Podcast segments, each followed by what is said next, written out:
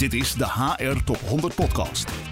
Met vandaag als gast. Petra Brands, ik ben uh, de General Manager Europe Afrika van Ocean Network Express. Welkom, heel uh, leuk dat we jou mogen spreken. We hebben jou al eens eerder gesproken voor uh, de 100, maar toen was de situatie heel anders. Um, zou je eerst wat kunnen vertellen over de, over de organisatie voor mensen die jullie niet kennen? Wat jullie doen? Ja, wij zijn een, uh, wij zijn een containerbedrijf um, en zijn voortgekomen uit drie Japanse, van origine Japanse containerbedrijven die wereldwijd opereren.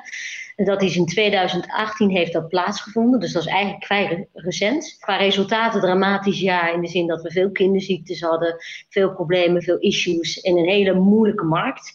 Uh, het tweede jaar uh, zagen we een hele duidelijke verbetering en hadden we positieve cijfers.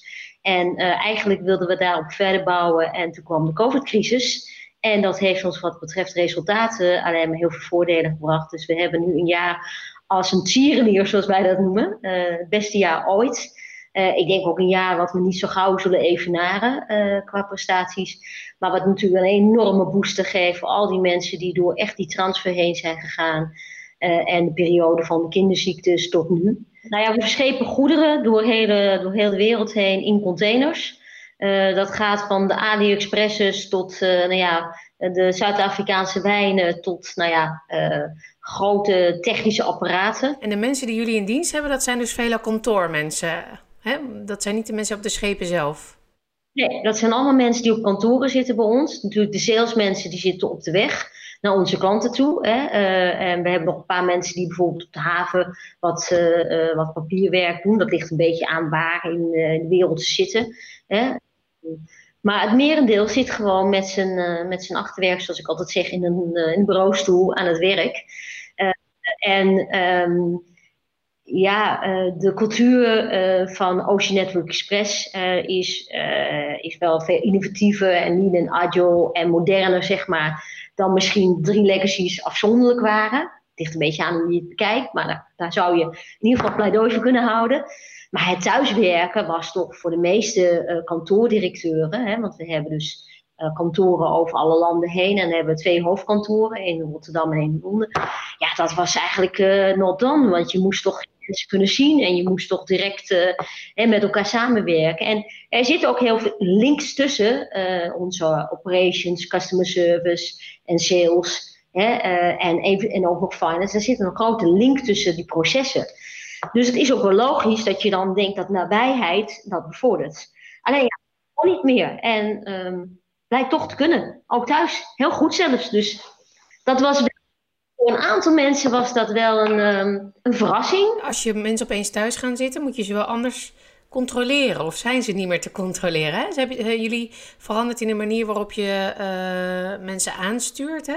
Ik, ik, denk dan bijvoorbeeld meer outputgericht dan inputgericht. Of zijn er veranderingen geweest? Nou ja, ik denk dat dat is dus iets wat, uh, wat wij eigenlijk al um, ja, vanaf ons bestaan aan managers proberen mee te geven in allerlei trainingen en educatie en besprekingen. Dat het vooral de output moet zijn en niet het aantal uur dat iemand achter een bureau zit en noem maar op. Um, maar niet iedereen uh, had dat heilige geloof, laat ik het maar zo netjes uitdrukken. Nu waren ze gedwongen en we hebben natuurlijk wel trainingen uh, opgezet. Wij hadden een COVID Care uh, kit uh, opgemaakt, waarin uh, ook dit soort elementen, hoe kan ik daar als manager mee omgaan, hoe kan ik dat het beste doen. we hebben managers dan ook daar waar het nodig was extra coaching gegeven om die omslag te maken, want het is wel een andere manier van denken. als je gewend bent zeg maar, op uren te managen dat iemand achter een bureaustoel zit of op de hand. En um, we hebben natuurlijk heel veel wat wij kunnen meten. Hè? Dat is het fijne van, van, van, van de business. Um, dus het was niet een kwestie dat het niet aanwezig was. Alleen daarnaast wilden mensen ook gewoon het kopje zien. En nu zien ze dus dat ze het ook heel goed kunnen met alleen die, die, die, uh, uh, ja, die kwant kwantitatieve informatie. En denk je dat dat blijft na de, als, we, als we weer teruggaan naar normaal, zeg maar, hè? als dat al bestaat? Of uh, gaan mensen weer allemaal naar kantoor? Ja, nou, we hebben die discussie uiteraard uitgebreid gevoerd, ook met onze boardmembers. Uh, die boardmembers bestaan uit uh, twee Japanners, een Engelsman en een Nederlander. Waarbij je moet voorstellen dat die Engelsman en die Nederlander ook heel lang in het buitenland hebben gezeten. Dus of ze echt Europeaans altijd denken, kun je nog uh, discussiëren. maar um, wat je wel ziet is dat zij ehm, het lastig vonden dat wij met name ook het thuiswerken in de toekomst als een positief ook um, tool vindt voor talent aantrekken. En dus zoiets hadden van, oh jee, wat gaan, die, wat gaan, die, gaan ze nou weer bedenken in HR? Um, tegelijkertijd, uh, ja, de force majeure is natuurlijk dat mensen gewoon zeggen, ja, het werkt. We kunnen natuurlijk niet zeggen, het mag niet meer. Dus we hebben daar wel spelregels Europa-wijd voor opgezet en Afrika-wijd. Uh, met bepaalde maxima en bepaalde periodes van uittesten en bepaalde voorwaarden. Als een soort framework. Hè? En dan heb je natuurlijk de, uiteindelijk ook nog de, de wettelijke bepalingen per land. Hè? Want die zijn heel verschillend per land. De, we hebben 23 landen waar wij over waken. Uh, en ja, dus dan moet je ook, daarin moet je natuurlijk ook in meegaan. Maar we hebben wel zeg maar aangegeven, nou dit zijn wel de bandbreedte waarbinnen je zeg maar dat thuiswerken kan doen. En het zal nooit vijf dagen per week zijn, vooralsnog. Dus we gaan niet zoals de grote banken, dat we zeggen, nou we stoten kantoren af, et cetera. Uh, lijkt me ook lastig, want we hebben ze net gehuurd. Het zijn prachtige kantoren, helemaal opnieuw nieuwe stijl. Dus dat zou een behoorlijke kostenpost zijn. Maar we gaan wel terug dat mensen zeg maar ongeveer twee dagen per week, één à twee dagen per week, afhankelijk van waar ze zitten, uh, thuis zouden kunnen werken. En dat is ten opzichte van waar we kwamen met nul, is dat natuurlijk een enorme vooruitgang voor heel veel mensen. Uh, en wat ik zeg, er zitten nog wel wat mensen die dat uh, um, mentaal lastig vinden, um, maar wel begrijpen dat ze ja, dat, dat, dat ze geen keuze meer hebben. Dat het uh, blijvend zal zijn. Ja, ja. En wat vinden jullie mensen? Weet je dat? Hebben jullie dat uitgevraagd? Hoe, hoe zitten ze erbij? Ja, ja, ja, we hebben dat uitgevraagd. En wat je ziet is natuurlijk dat, uh, dat heel veel mensen in eerste instantie zeggen: ah, we willen thuiswerken voor altijd. Uh, nou, naarmate deze crisis langer duurt, uh, zie je dus dat mensen eigenlijk alleen maar terug naar kantoor willen. Ze missen, missen hun collega's, missen dat contact, missen ook de variatie. Dus als je het nu vraagt, krijg je een heel ander beeld te zien. En dat hebben we ook in bepaalde landen gedaan. En wat, je, wat we zien is dat die balans die wij toen de tijd al trokken van nou, die vijf, dat gaat hem niet worden, maar laten we kijken of we één à twee kunnen onderhandelen. Um, dat we daar eigenlijk ook op uitkomen. Dat mensen zeggen, nou ik zou voor één of twee dagen, zou het me heel verschelen, omdat ik dan gewoon die dagen niet lang hoef te reizen. En wat je ziet is dat de meeste mensen nu uh, zoiets hebben van ja, waar we vroeger zeiden, we, we allemaal wilden we nu eigenlijk ons bijna smeken, mogen we terug naar kantoor. Dat allemaal. En uh, dan heb ik het nog niet eens over de nieuwe fase waarin kinderen nog mee gaan spelen, want dat is een heel andere fase. Maar de periode dat de kinderen wel zeg maar gewoon naar school gingen, naar kinderopvang konden en noem het maar op. Ook daarin zag je juist dat, dan, dan werd het nog in een andere manier zwaar. He, je hebt allerlei fases in dit proces.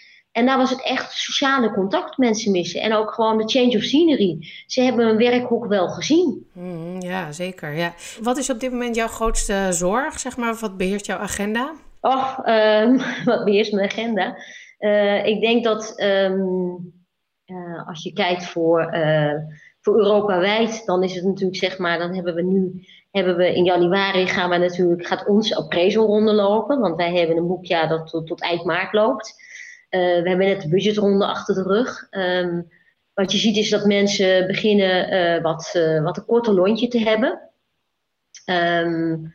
Um, dus raken ook wat meer gestrest. dus het is belangrijk om die signalen goed op te pakken. Gewoon goed in contact met mensen te blijven. Ook misschien um, wat ik noem out of the box measurements te nemen. Hè? Uh, waardoor je dus zeg maar lucht geeft aan mensen. Hè?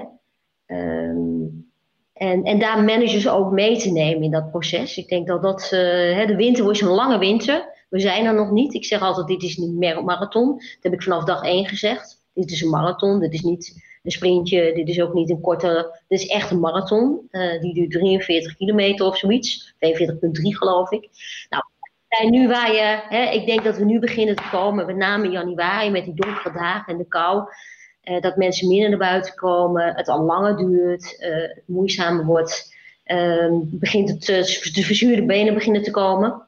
Tegelijkertijd hebben we natuurlijk wel het vaccin wat hoop geeft. Uh, alleen, ja goed, in Nederland is, met name in Nederland, is nog niet duidelijk wanneer we überhaupt aan de beurt komen.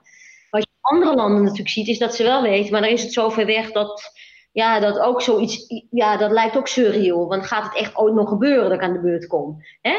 Dus ik denk dat het daar innoveren is en proberen niet een one fits all, maar voor elke locatie te bedenken wat is nodig. En wat zijn de oplossingen daarvoor? Um, ja, wat ik zeg, ik denk, um, wij hebben als, als One Care COVID Kits gedaan voor de tweede fase. Daar ligt het aandacht veel meer op, um, uh, op de mentale gezondheid van mensen. En hoe managers zeg maar, signalen kunnen ontdekken en daarmee om kunnen gaan. Wat je ziet is managers zijn vaak bang om te vragen hoe gaat het met je. Want ja, ehm, ze willen niet het, ze willen aan de ene kant willen ze alleen maar horen, ach wel. Ja, ja, precies. Ze willen niet het vervelende antwoord waar ze wat mee moeten. ja, wat moeten ze ermee? Dus dat, daar moet je ze denk ik wel in helpen. Uh, en we moeten ook natuurlijk iets regelen voor de mensen die met antwoorden komen, waarvan we eigenlijk denken, ja, wat moeten we ermee? Eh, um, en dus daar moeten we, denk ik, hebben we ook een antwoord op geformuleerd. En zijn we ook nog steeds aan het ontwikkelen, hè, want het is een dynamisch proces. Um, dus het is die kant uh, die we hebben. En de andere kant is natuurlijk zorgen dat onze business um, blijft, blijft doorgaan. En Waar we nu natuurlijk in het begin verrast waren dat het zo extreem goed ging en dat het allemaal geweldig was, zie je nu dat de druk van de klanten, die ook kortere lintjes krijgen, natuurlijk toe gaat nemen. En hoe ga je dan toch optimaal naar je klanten aan? Want wij moeten, ja, wij, wij willen bekend staan en hopen ook bekend staan voor onze optimale klantservice. Hoe kun je onze mensen daarin helpen dat ze dus met die ja, wat gefrustreerde klanten, waarin er weinig ruimte op schepen is, waarin ze zelf al een korte lontje hebben, dat gewoon spuugzat zijn. Hoe kun je ze daarin helpen om daarmee om te gaan? Dus dat zijn ook dingen die we mee moeten nemen. Want uiteindelijk hè, willen we graag uh, uh, ja, uh, ons, ons product kunnen leveren op een goede manier. Eh, en moeten we met z'n allen er doorheen. En teamwork is daar heel bepalend in. dat, dat, is, ja, dat is een van onze values, maar dat is ook iets waar we sterk in geloven. Uh, dus ik heb bijvoorbeeld geïntroduceerd uh, pick me up moments. En wat dat is heel simpel. zet in je agenda als manager 10 minuten voor misschien één of twee keer per week vast. En bel dan iemand op. Gewoon om te zeggen, joh, ik bel je gewoon om zelf over het weer te praten. Om te vragen hoe het met je gaat. Dat is dan niet iemand per se van je team, maar iemand die je normaal gesproken bij de koffie tegenkomt. Ga dat doen. En wat je ziet is dat mensen dat best eng vinden. Um, maar er zijn er een aantal die doen. Die successtories die delen wij. Uh, nu ook met podcast. Dat was voor ons ook helemaal nieuw. Oh ja, uh, dus mooi. Echt uh, heel innoverend. Want als mensen naar podcast kijken, dan zijn ze niet met werk bezig. Hoe moet dat dan? Nou, Ja, ja, ja. Niet declarabel. Ja. hoe innoverend wij bezig zijn. Um, en, en, en ja, door die successtories gaan andere mensen het ook proberen. Dus we, we proberen ze daar ook mee te krijgen. Probeer het eens. Want Hè, um, dat heb je wel nodig. Je hebt gewoon nodig dat, dat, dat, je, uh, dat je even uit je normale uh, routine stapt. Dat geldt voor iedereen. En dat kan niet omdat je naar kantoor gaat een dagje. Het kan ook niet omdat je een dagje jezelf verwendt met shoppen. Gaat ook niet. Hè? Uh, dus je zult het moeten hebben door gewoon ja, je nieuwsgierigheid naar anderen te vergroten. En gewoon eens iemand te bellen. En dus, dus, dat soort trucjes. En we hebben er een heleboel. En ja, we hebben een, eh, een HR-team uh, uh, waar we, die we virtueel ook bij elkaar roepen. Ehm, eh, en, en dan bedenken we gewoon ideeën. passend bij de situatie. Maar persoonlijke aandacht en spontaniteit, dat hoor ik eigenlijk. Hè? Dat is het belangrijkste. En, en maatwerk. Hè? Dus ja. Ja, en, en ik denk, ja, die aandacht. Ik denk dat aandacht nu heel, veel, heel veel doet. Um, en begrip hebben, empathie. Probeer je te plaatsen in. Nou is dat altijd een belangrijk item. Um, maar ik, ik, heb zelf bijvoorbeeld in mijn team heb ik, uh, een, een, een, vader zitten met jonge kinderen. Um, nou, um, die kinderen zitten thuis. De, vader, de, vrouw werkt in de vitale sector. Hè, dus, die, uh, uh, en dus hij heeft eigenlijk die kinderen. nou, ga daarmee om. Um, dus hoe kun je daarmee omgaan? Hoe kun je dat dan uh, met elkaar dan toch fixen? En um, als ik hem vraag, dan zeg hij, oh prima, weet je, het gaat allemaal helemaal geweldig. En natuurlijk gaat het geweldig. En dat zie ik ook aan de output. Uh, maar ik zie ook dat um, als, ik, uh, als ik heel goed kijk, dan zie ik dat er ook heel veel output laat s'avonds als de kinderen in bed liggen gebeuren. Hè? Uh, en dat is prima, want dat betekent dat je gewoon je dagen om, om het gooien bent. Dat je gedurende de tijd dat de kinderen er zijn, uh, wat meer aandacht aan de kids besteedt. En misschien wat later, als je vrouw thuis is, dan wat, hè, dat, dat, dat is dan. Hè. En dan moet je dan ook af en toe gewoon ook zeggen, joh, van we moeten eens even kijken naar van al die targets die we hebben, zijn die nog realiseerbaar? Maar dan moet je denk ik ook als manager een oog open voor hebben. Hè? Ja, anders kan je die marathon ook niet uitlopen. Hè? Dat is een beetje, ja, dan op een gegeven moment ben je te vroeg klaar. Ja. En uh, als je naar de toekomst kijkt, stel we zijn allemaal gevaccineerd inderdaad. Ze, uh, we hadden het al even over kantoor, hè? maar zijn er ook andere dingen waarvan je denkt, uh, die zijn blijvend veranderd? Ik, ik ben daar iets minder um, in een roze bubbel dan anderen. Ik denk dat het reizen wat ik nu al vanaf vorig jaar niet meer doe. Want normaal gesproken reis ik uh, elke week minstens twee, drie keer uh, in een vliegtuig. Uh, dat doe ik nu niet. Dat is, dat is heel bijzonder. Um, Hoe vind je dat? Vind je dat fijn of, of mis je het? Nou ja, ik ben iemand die. mijn moeder zei altijd count your blessings. Dus kijk wat dan de positieve kant van het verhaal is. Dus dat heb ik, heb ik toen ook gedaan. Wat staat er positief aan? Dat wil niet zeggen dat ik het niet mis. Dat doe ik zeker. Um, maar er zitten ook positieve kanten aan. Ik ben meer thuis dan ooit. Ik zie veel meer wat er in het gezin gebeurt. Ik, uh, ben, uh, ik, ik zou naar de sportschool kunnen gaan. Niet. nu niet meer, hè? Nu niet meer. Je hebt een excuus. Het mag niet meer. ja.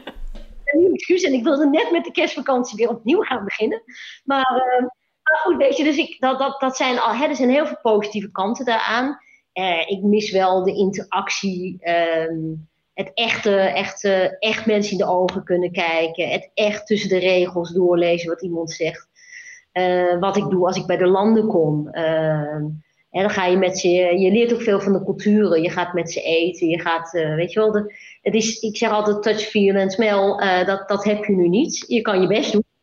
Um, maar het is niet hetzelfde. maar je krijgt andere dingen voor terug. Dus dat is count your blessings kant. Dus voor mijzelf, zeg maar, ja, um, ja, ben ik, ben, daar heb ik dan iets minder last van. Maar komt dat terug, denk je? Want dat, ik onderbrak je, maar daar waar ging je eigenlijk naartoe? Dat, ik denk dat in het begin uh, mensen zullen zeggen, nou, we kunnen veel meer virtueel doen. Eh, heel veel bedrijven roepen dat nu al. Uh, ik denk dat ons bedrijf uh, zullen zeggen, ja, we kunnen wel iets minder reizen. Maar ik denk dat we binnen de kortste keren weer in ieder geval misschien niet 100% terug zijn, maar zeker 80% terug op wat we waren. Want met name zeg maar het hogere echelon van ons, die vindt het toch wel uh, die, die missen dat toch wel, uh, dat reizen. En niet zozeer het reizen aan zich, want daar is niks leuks aan. Het klinkt heel romantisch, maar dat is het alles behalve. Is alleen maar wachten op uh, vliegtuigen, lopen kilometers door airports en dan erachter komen dat je weer vertraging hebt. maar vooral het, echte intensieve contact met mensen. En, ehm, en ja, weet je wat we eigenlijk allemaal missen, ook als je niet reist? Iemand gewoon echt een, ja, een een huk geven, hè, zoals wij het noemen, een virtual hug, dat doen we wel, maar dat is toch niet hetzelfde. We, we hebben al heel veel besproken. Is er nog iets wat we hebben laten liggen of wat leuk is om te delen? Ja, er is natuurlijk heel veel leuk om te delen. Ik denk dat uh, wat je ziet is dat um, als, uh, je hoorde in het verleden hoorde je heel veel innovatie en lean en agile, hè, dat was allemaal uh, oh, wauw, wauw, wauw, hè, dat is de, de, de term. Uh, wat ik zelf zie is dat ik veel meer de laatste tijd bedrijven hoor en uh, over resilience en uh, optimisme. Hè, dus het glas half vol zien.